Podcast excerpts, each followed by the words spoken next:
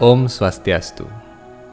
Bagian ini adalah video terakhir mengenai dasar-dasar ilmu geografi Weda, termasuk mengenai bagaimana wujud bumi dalam perspektif Bu Warnana atau ilmu geografi Weda, sebagaimana yang diuraikan dalam tiga video sebelumnya. Dalam video-video bagian sebelumnya, terdapat uraian mengenai warsa-warsa atau bagian-bagian dimensi lain di bumi tempat kita tinggal saat ini. Dalam video keempat ini, kita akan mengeksplorasi uraian dalam kitab suci Weda mengenai tujuh bumi paralel di tata surya kita. Video-video Hindu Times dibuat sebagai upaya tulus kami untuk menghimpun, meneliti, dan menyajikan kembali butir-butir pengetahuan Weda yang langka dan misterius agar tetap lestari. Apabila Anda menyukai konten-konten kami, Anda dapat membantu kami membagikan video-video kami, berlangganan konten-konten kami, atau menekan tombol like.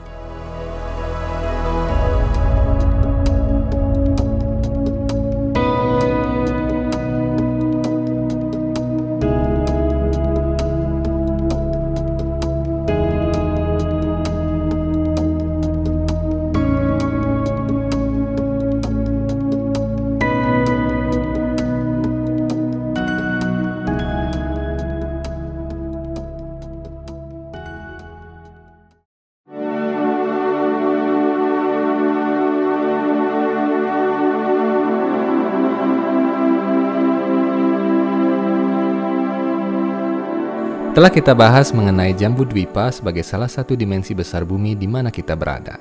Jambu Dwipa ini juga disebut sebagai bumi tengah, sebab letaknya di tengah-tengah Burloka. Jambu Dwipa dikelilingi oleh samudra air asin.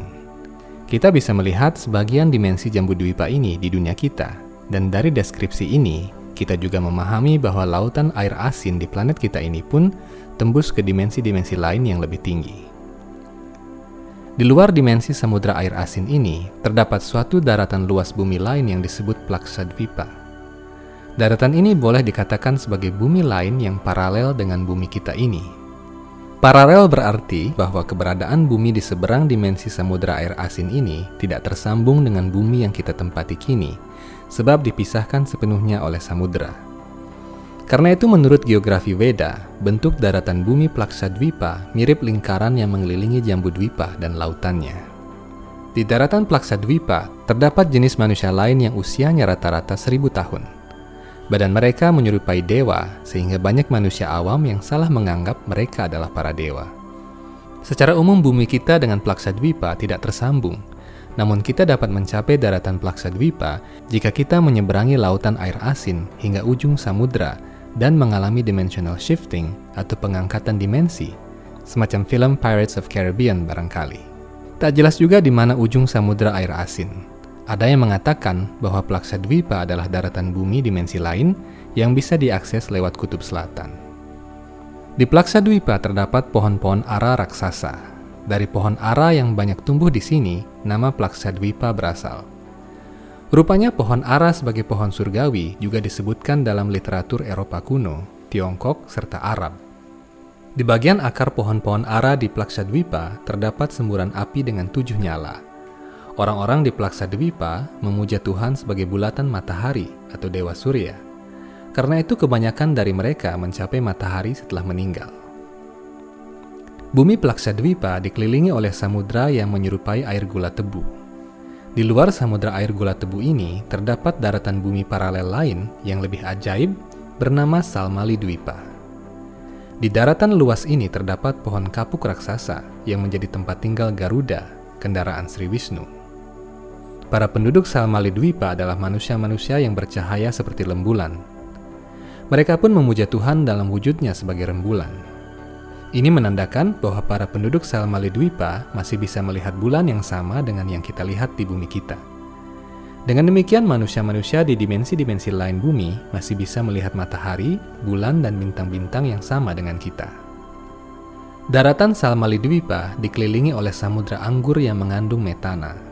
Ini menandakan bahwa kandungan metana di wilayah ini tergolong tinggi.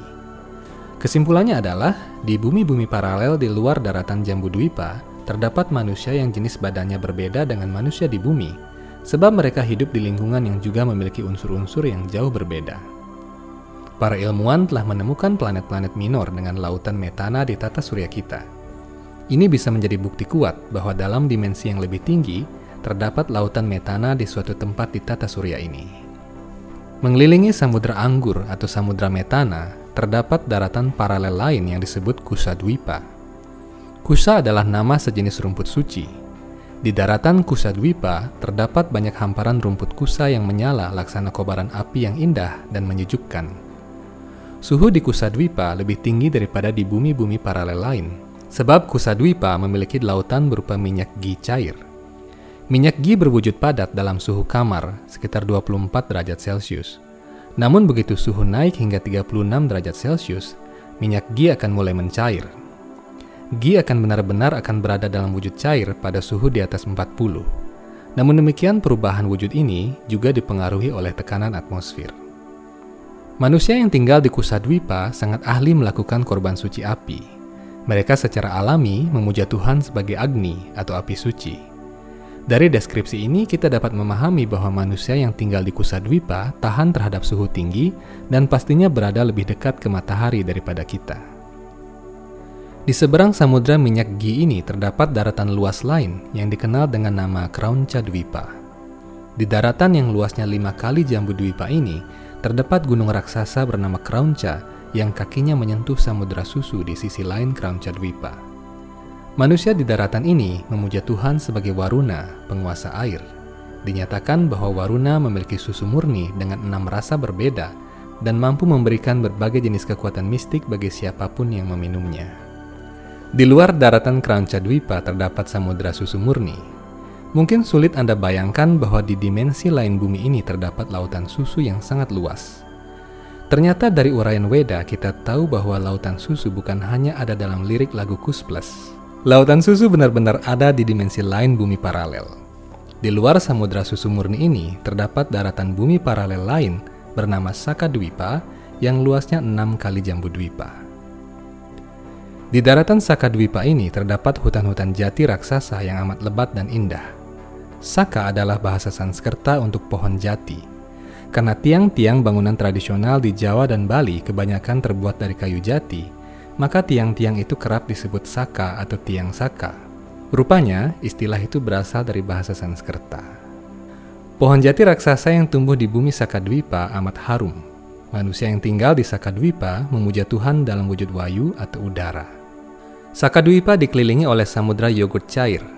Di ujung samudra yogurt ini terdapat daratan paralel lain yang disebut Puskara Dwipa. Puskara artinya lotus. Di daratan Puskara Dwipa banyak terdapat lotus dengan ribuan kelopak. Puskara adalah tempat tinggal Dewa Brahma di Burloka.